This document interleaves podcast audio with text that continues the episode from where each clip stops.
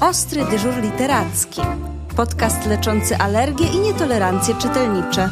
Prowadzi Agnieszka Karpszymańska. Dzień dobry. Na zewnątrz coraz zimniej, właściwie mroźnie. Najchętniej nie wychodzilibyśmy z domu, tylko zawinęli się szczelnie ciepłym kocem. A jeśli jednak Państwo zdecydujecie się wyjść z domu, to koniecznie do księgarni. Po co? Oczywiście po zapasy znakomitych książek. Ja dziś zapraszam do warszawskiej księgarni Badet, a naszym gościem jest pani Ania Musialik. Dzień dobry pani Aniu. Dzień dobry, dzień dobry Pani, dzień dobry Państwu.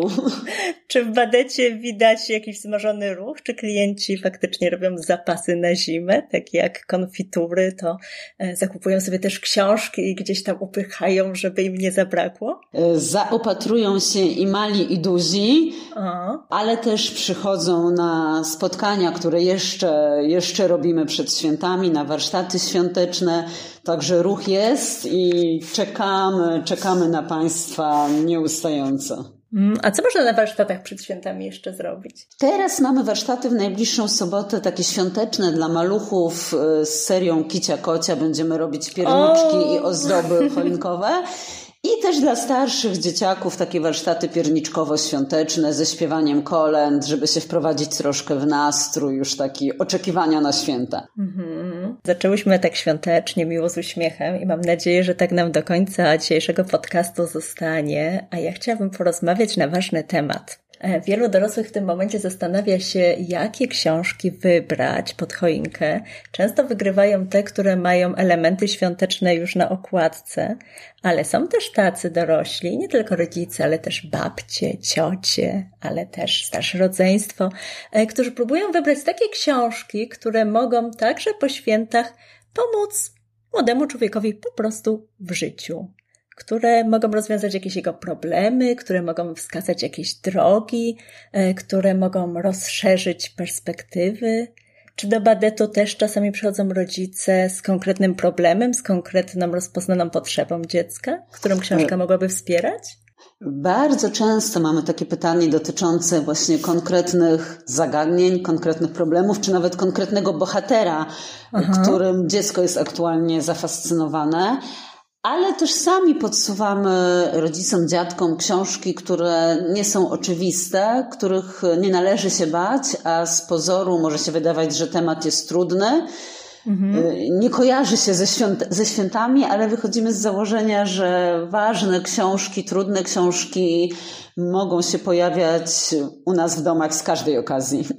Mhm. No dobrze, ale e, zostawiając na boku gdzieś ten temat e, śmierci, odchodzenia, choroby, bo o tych za każdym razem się mówi w momencie, kiedy e, pojawia się temat książki mhm. nieoczywistej, to jakie inne tematy mm, mogą się pojawiać w książkach, które mogą wspierać dziecko, które właściwie nie zawsze są smutne, które po prostu czasami są zwyczajnie skomplikowane? Temat teraz, który się bardzo często u nas pojawia i którego poszukują w książkach i rodzice, i często też nauczyciele, pedagodzy, To jest temat y, granic, tego co się dzieje mhm. u nas, o czym dzieciaki słyszą, nie zawsze rozumieją o co chodzi, nie zawsze rodzice potrafią wytłumaczyć.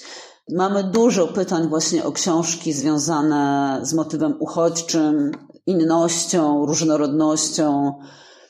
To jest teraz, widzimy, ważny, ważny i taki temat y, istotny, tak, którego rodzice szukają. No właśnie zastanawiam w tym momencie szybki przegląd w głowie robiąc, e, jakie książki Państwo rekomendujecie w takiej sytuacji? Bo mam wrażenie, że rynek wydawniczy jeszcze nie zareagował na ten problem, aczkolwiek mam pełną świadomość, że e, jest sporo książek, które mogłoby pasować. Jest bardzo dużo, takie, które pierwsze mi przychodzą do głowy dla, dla dzieci dla dzieci takich wczesnoszkolnych to jest na przykład chłopiec z Lampeduzy Rafała mm-hmm. Witka, czy wędrówka no Nabu Jarosława Mikołajewskiego z pięknymi ilustracjami Janny tak. Dosinek. Jest to przepiękna tak, te, ilust- te ilustracje są przepiękne, ale one aż bolą w pewnych momentach. To rzeczywiście zestawienie e, drutów kolczastych z małym dzieckiem e, jest tak wymowne i tam jest rzeczywiście e, mnóstwo takich momentów, gdzie ilustracja chyba mówi jeszcze mocniej niż tekst. Tak naprawdę ilustracje są drugą opowieścią, mam wrażenie, w tej książce. Tak, tak, ale w bardzo wielu znakomitych książkach tak jest, prawda? Jest też cudowna książka Modlitwa do morza. To jest tak naprawdę forma poetycka, pisana wierszem, ale też przepiękna historia, smutna, ale piękna o relacji ojca i syna, które właśnie znajdują się w sytuacji ucieczki, ucieczki ze swojego kraju. Dla dzieci starszych przepiękna opowieść Chłopiec znikąd wydawnictwa Widnokrąg.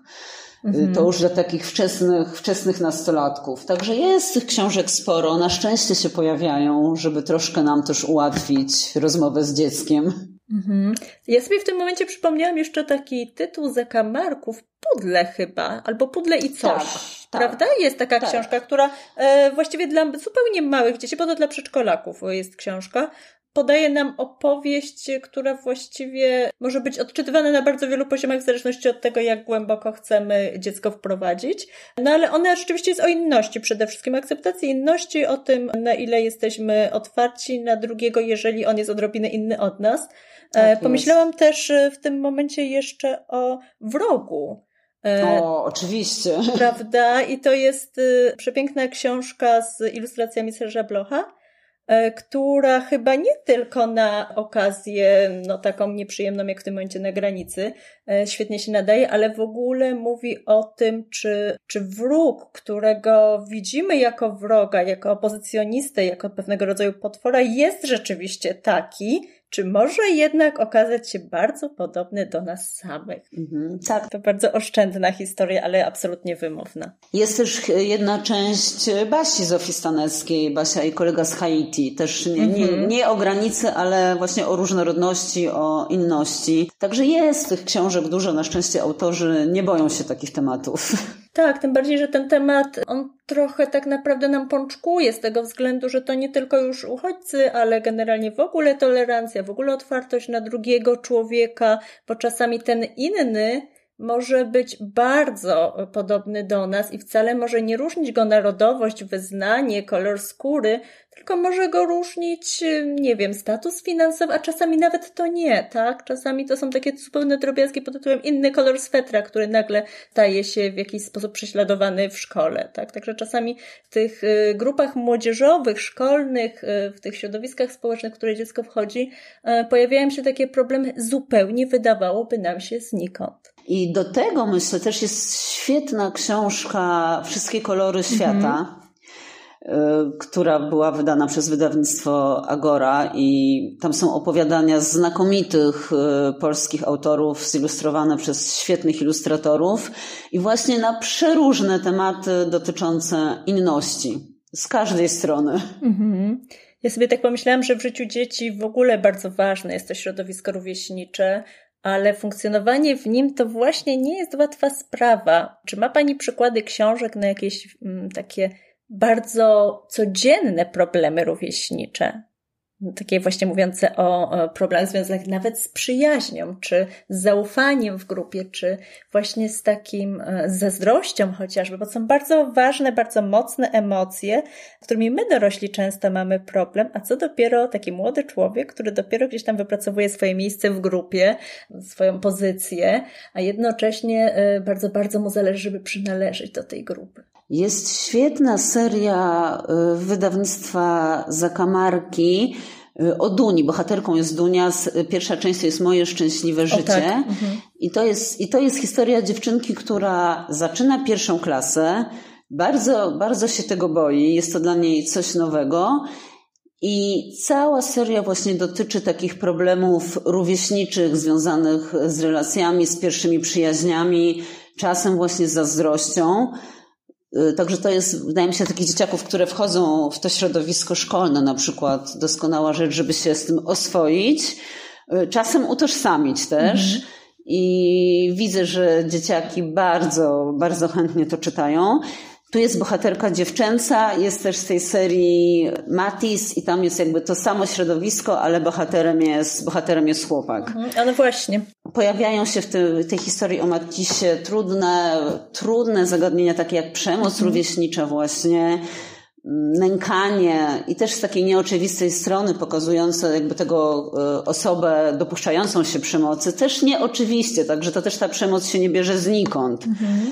Także myślę, że tu, tu można z każdej strony razem z dzieckiem to obejrzeć. Mm, I to jest chyba bardzo ważne, żeby też młodszym dzieciom podsuwać książki na te tematy, bo trochę się przyzwyczailiśmy do takiej myśli, że przemoc rówieśnicza, gdzieś nękanie, to się pojawia dopiero w momencie, kiedy mamy do czynienia z nastolatkami. Natomiast e, to nie tylko e, książki Eve Ainsworth powinny trafiać do swojego grona odbiorców, ale także mam wrażenie, że coraz więcej takich problemów jest dostrzeganych już na etapie tego mhm. wieku wczesnoszkolnego.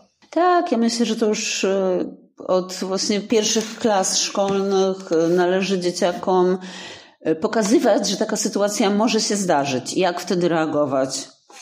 I że nie jest nie można na to pozwalać. To tak, dokładnie, bo mam wrażenie, że my ciągle jeszcze E, trochę e, żyjemy echem takich czasów, kiedy mówiło się, że dzieci sobie same poradzą na pewno sobie same krzywdy nie zrobią, tak? A tym, tymczasem ja mam wrażenie, że potrafią sobie zrobić krzywdę. Potrafią. Też często rodzice o tym nie wiedzą. Rodzice nie, nie, nie wiedzą o wielu sytuacjach. Nie z takiego powodu, że się nie interesują, tylko dzieciom jest bardzo trudno mówić o tym. Mhm. I też książki mogą być dobrym pośrednikiem, mhm. że podczas wspólnego czytania możemy dużo dowiedzieć się też też o tym, co się w życiu dziecka dzieje. Mm, tylko ważne jest, żeby po tym wspólnym czytaniu jeszcze porozmawiać na temat treści, która pojawiła się w książkach, prawda? No to jest jakby jeden z jakby najważniejszych elementów wspólnego czytania, mam wrażenie. I też na tym opiera się cały nurt biblioterapii, biblioedukacji, że ta rozmowa jest jakby elementem procesu. Mm-hmm. No tak, tak, bo jakby dla nas to jest całkowicie normalne, natomiast ja też się spodziewam, że niektórzy rodzice mają ustawione zegarki na wieczorne czytanie, które ma w głównej mierze uśpić dziecko i dać jemu troszkę przestrzeni swobody do działania wieczornego, takiego już zupełnym spokoju. Mm. No i tak naprawdę, jeżeli nastawiamy się na lekturę, która ma tylko i wyłącznie wyciszyć, uśpić, no to ona nie będzie powodować dyskusji, tym bardziej, że to chyba też nie pora na takie dyskusje, chociaż jeżeli się pojawia, to pewno nawet godzina 20 jest dobrą porą na to, żeby porozmawiać na ważny temat. Oczywiście, ale też y, nie zakładajmy, że wszystkie książki, jakie czytamy z dzieckiem, muszą, muszą być właśnie tymi trudnymi tak. książkami, o których będziemy potem godzinami dyskutować. Mhm. Takie też są bardzo ważne, ale też dajmy sobie przestrzeń na takie lektury właśnie do śmiechu, do, do zabawy, żeby też książka nie zawsze kojarzyła nam się z czymś takim trudnym. Mm. Więc też pamiętajmy o tych lekturach innych, równie ważnych. Prawda, tym bardziej, że chyba wszyscy potrzebujemy bardzo wiele optymizmu i y, chyba potrzebujemy dużo pretekstów do śmiechu, do takiego ciepła w sercu. Tak, ja teraz ostatnio przeczytałam i zachwyciła mnie absolutnie książka Opowieści na dobranoc dla młodych buntowniczek Aha. Sylwii Hutnik. Tak. To jest nowa, nowa część serii, tym razem o polskich kobietach. I naprawdę bardzo różnorodne postaci wybrane, od artystek, e, naukowczyń, społeczniczek, sportsmenek. I to też jest świetna, świetna rzecz do wspólnego czytania, bo międzypokoleniowa mhm. E, jest kilka postaci, które na pewno dzieciaki będą znały, a my niekoniecznie, a jest kilka postaci, które my będziemy doskonale znać, a dla dzieciaków będzie to ktoś zupełnie, zupełnie nowy, więc też można pogadać przy okazji o współczesnych idolach naszych dzieci, o naszych idolach, jak to się zmieniało. Bardzo dobra pozycja, uważam, że pod choinkę idealna. Mm, to prawda, tym bardziej, że to jest taka książka, która właściwie inspiruje krótkimi historiami, tak? No bo one, y, one są mm, zawarte na jednej stronie, czyli to są takie impulsy do dalszych poszukiwań, takie mam wrażenie. Tak, zresztą sama autorka mówiła, że tych kobiet na początku było kilkaset, z których wybierała tę setkę, która się pojawiła tutaj. Więc to też są świetne lektury, które właśnie inspirują też do takich poszukiwań wspólnych. Mm, I wtedy można wybrać sobie tą postać, która jest najbliżej naszych zainteresowań, można wspólnie e, doszukiwać kolejnych faktów, a czasami nawet robić wspólne na przykład doświadczenia. Oczywiście. I też inspirować się do jakiegoś, do jakichś własnych poszukiwań. Tak. Często te kobiety właśnie nie od początku wiedziały, tak, czego, czego pragną, a właśnie szukały. I to też jest dla dziecka ważna treść, że nie trzeba od razu wiedzieć. Mm, książki potrafią być inspirujące. A ja chciałabym jeszcze wrócić na moment do dzieci w literaturze. Jak to jest, że mm, dzieci tak bardzo lubią książki o innych dzieciach? E, myślę, że po pierwsze, że jest to bliski im świat, mhm. mogą się utożsamić. Jest to świat znajomy. Świat znajomy, poruszający ich aktualne, aktualne problemy, ale nie tylko problemy, też radości. No właśnie, bo kręcimy się tych problem, przy tych problemach, a ja mam wrażenie, że bardzo wiele z tych książek to są takie książki, które mówią po prostu o bardzo podobnym, no czasami bardzo podobnym życiu, czasami oddalonym o wiele dziesiątek lat, a jednak to dzieciństwo jest odrobinę podobne, bo chociażby Dzieci z Bullerbyn, lektura, która wciąż jest uwielbiana przez młodych czytelników, co nas powinno udziwić ze względu na to, że lektury z założenia niekoniecznie są uwielbiane. Natomiast to jest jakaś magia w tej książce, że ona cały czas pozostaje aktualna i dzieciaki z przyjemnością e, deklarują, że to jest ich ulubiona książka. I to chyba jest rzeczywiście przykład takiej książki, która się kompletnie nie starzeje i to dzieciństwo się e, nie zmienia w tym, w pewnych aspektach. Jasne, ja ostatnio z dzieciakami w szkole czytałam Asiunię Janny Popyzińskiej która, która dotyczy wojny, ale zrobiłam takie ćwiczenie z dzieciakami, żeby znalazły podobieństwa swojego dzieciństwa z dzieciństwem bohaterki mhm. i naprawdę sporo się udało znaleźć podobieństw, mimo że realia, czasy zupełnie inne. I to było zaskakujące dla dzieciaków, że historia tak dla nich odległa, w tak trudnych czasach osadzona, a jednak to dzieciństwo ma naprawdę wiele wspólnych cech. Mm, to znaczy z Asiuniem w ogóle jest taka historia, że nas dorosłych czasami zaskakuje, do jakiego stopnia ta książka podoba się dzieciom, bo to jest przepiękna książka, no ale jednak my mamy świadomość tego, że jest y, w bardzo trudnych czasach. Co więcej, w tych trudnych czasach jest pokazane dziecko, więc y, na nas to w ogóle już robi bardzo duże wrażenie. Natomiast młodzi czytelnicy za każdym razem są absolutnie absolutnie zasłuchani, poruszeni, ale w taki dobry sposób. Tam nie ma żadnych traumatycznych doznań e, pośród dzieci uczestniczących w spotkaniach z panią mm -hmm. profesor, czy w spotkaniach na podstawie tej książki. Ja jedno z takich spotkań prowadziłam w czerwcu tego roku i ja też drżałam, bo miałam bardzo zróżnicowaną publiczność i panią profesor e, na sali, zresztą też w Muzeum e, Powstania Warszawskiego, więc takie bardzo znaczące miejsce.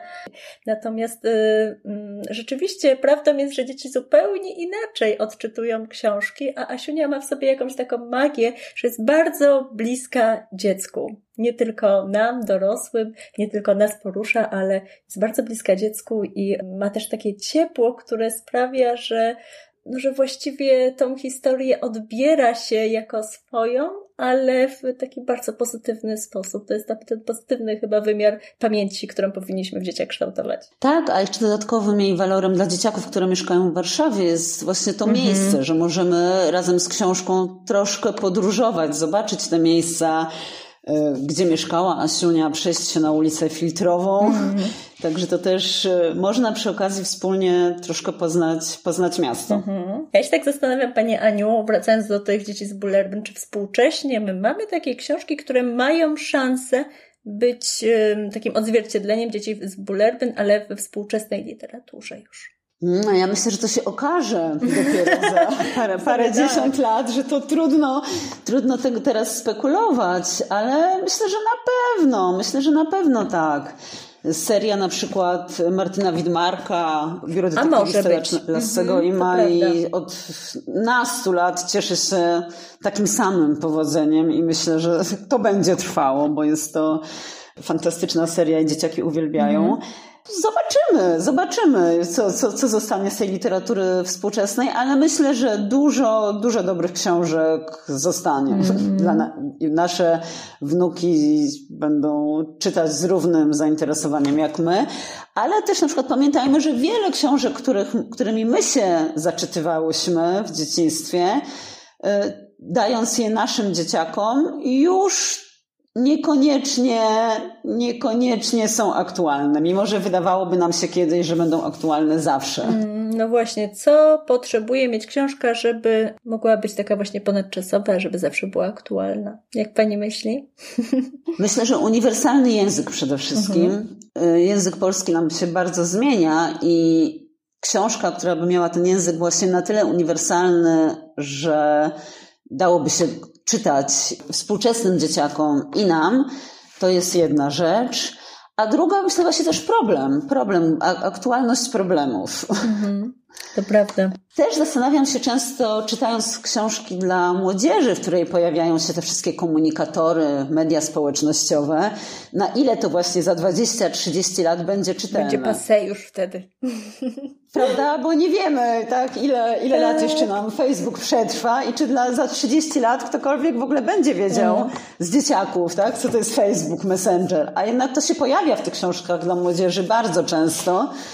I to mnie ciekawi, co, co z aktualności zostanie za, za parę dziesiąt lat. No to jest duże wyzwanie dla samych twórców książek, moim zdaniem, z tego względu, że z jednej strony zawierając takie elementy naszej rzeczywistości dziecięcej, młodzieżowej rzeczywistości, narażają się na to, że te książki będą nieaktualne, z drugiej strony mają szansę na większą popularność wśród współczesnych dzieci, które Myślę, że jednak uważają, że książka jest alternatywną e, formą rozrywki do nowych technologii i e, zwykle jest albo albo, tym bardziej, że też mhm. my dorośli trochę robimy złą robotę, bo pokazujemy w ten sposób książkę. Odłóż telefon, weź książkę, a no, no ciężko wymagać od współczesnego dziecka, żeby... ale ja to wiele razy słyszałam i rzeczywiście no, w takiej e, opozycji ta książka nie ma żadnych szans, bo my dorośli też byśmy nie odłożyli całkowicie telefonu, tak? To, że bierzemy książkę do ręki, to jest wyrazem nie tylko naszego rozmiłowania w literaturze, no ale też jakby pewnej, pewnego rodzaju świadomości, chęci wyciszenia i tak dalej, i tak dalej. Natomiast no absolutnie nie jest to kwestia wyboru no takiego zero-jedynkowego. I w tym momencie, kiedy jakiś autor zawiera w swojej fabule elementy tego nowoczesnego świata, to dziecko mówi, o, wreszcie ktoś to zaczyna rozumieć. Mam wrażenie, że to takie też troszkę mhm. może, e, może to być taki wabik troszkę na młodego czytelnika. Tak, oczywiście. Ale to też ciekawe, co Pani powiedziała a propos odłóż telefon, weź książkę, bo to, to jest stawianie tak naprawdę książki w pozycji kary. Tak, tak, też takie mam poczucie, tak. A to jest najgorsze, co możemy zrobić, jeśli chodzi o czytelnictwo mhm. i zachęcanie dziecka do, do czytania, bo jeśli z gruntu się dziecku książka kojarzy już źle, mhm. tak, bo jest alternatywą dla czegoś, dla czegoś co było przyjemne, czyli do tego telefonu, tak no to już stajemy na straconej pozycji. No, jeszcze cały czas nie potrafimy przepracować tego, że książka jest przyjemnością. Tak jak dla nas jest przyjemnością, tak powinna być przyjemnością dla dziecka. Tak, i też warto właśnie konstruować taką przestrzeń, w której ta książka będzie miała szansę być przyjemna, a nie tylko obowiązkiem bądź karą. Mm. Bo też szkoła robi nam to, że książka staje się obowiązkiem, przykrym często. Tak, no i każe się za nieprzeczytanie chociażby, tak? Więc tak. No, to jest przymus pewnego rodzaju, cokolwiek by o tym nie mówić. Ja też miałam ostatnio ciekawą sytuację a propos rozmowy z rodzicami mhm. o lekturze. Powiedziałam, że dla mnie dzieciaki mogą czytać lekturę razem z rodzicami. Część dzieci, czyta, dziecko czyta, część rodzic, bo to była jakby grubsza forma, a dzieci w drugiej klasie. I jeden z rodziców powiedział, no ale jak to? Przecież lektura musi być trudna dla A, dziecka. no tak. I to mi się tak kłóci, kłóci w ogóle z, z ideą czytania, tak, że myślę, że jeszcze sporo przed nami. Mhm. No, no, bardzo wiele komentarzy się nasuwa, natomiast w zasadzie wypadały po prostu dłużej porozmawiać z tym rodzicem, bo ktoś mu krzywdę zrobił zwyczajnie. No bo z czegoś to się wzięło. No tak, z własnych doświadczeń. No, no najprawdopodobniej. No, no, najprawdopodobniej tak. Nie, no lektura, proszę Państwa, nie musi być trudna, lektura e, myślę, że może być znakomitą zabawą, tym bardziej, że z własnych doświadczeń, także pedagogicznych, e, muszę Państwu zdradzić, że od bardzo wielu lat e, pedagogów pracujących z literaturą uczy się w jaki sposób, w sposób taki, w jaki sposób tak bardzo atrakcyjnie pracować z lekturą, żeby ona była w nieprawdopodobny sposób angażująca, tak żeby ona faktycznie była świetną zabawą. To, czy to się dzieje w szkołach, czy nie, to już jest zupełnie inna kwestia. Pewnie w jednych się dzieje, w drugich nie. Natomiast wszystkie metody aktywizujące, e, mające na celu zainteresowanie ucznia lekturą, to właśnie ma być nic innego jak świetna zabawa. Jest cały nurt przecież pedagogiki zabawy, klanzy, który się tak cudownie nadaje do pracy z książką, że to jest, goto- to, to jest gotowy materiał.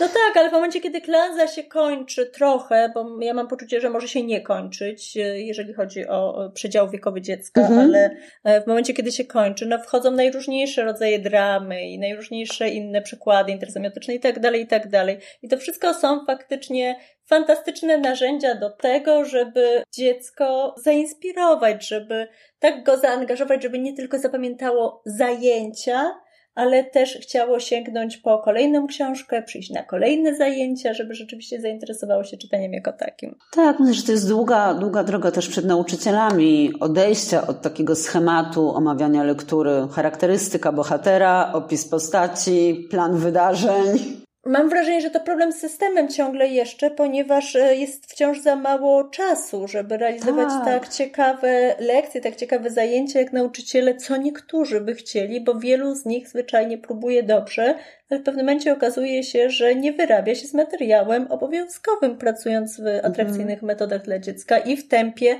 odpowiednim dla dzieci, bo przecież tak jak w domu, e, bardzo wartościową jest ta dyskusja, ta rozmowa wokół treści książki. Czasami E, nie sposób przewidzieć jej, no, jej czasu, jej e, następstw i tak dalej, bo ona może pociągać kolejne tematy za sobą.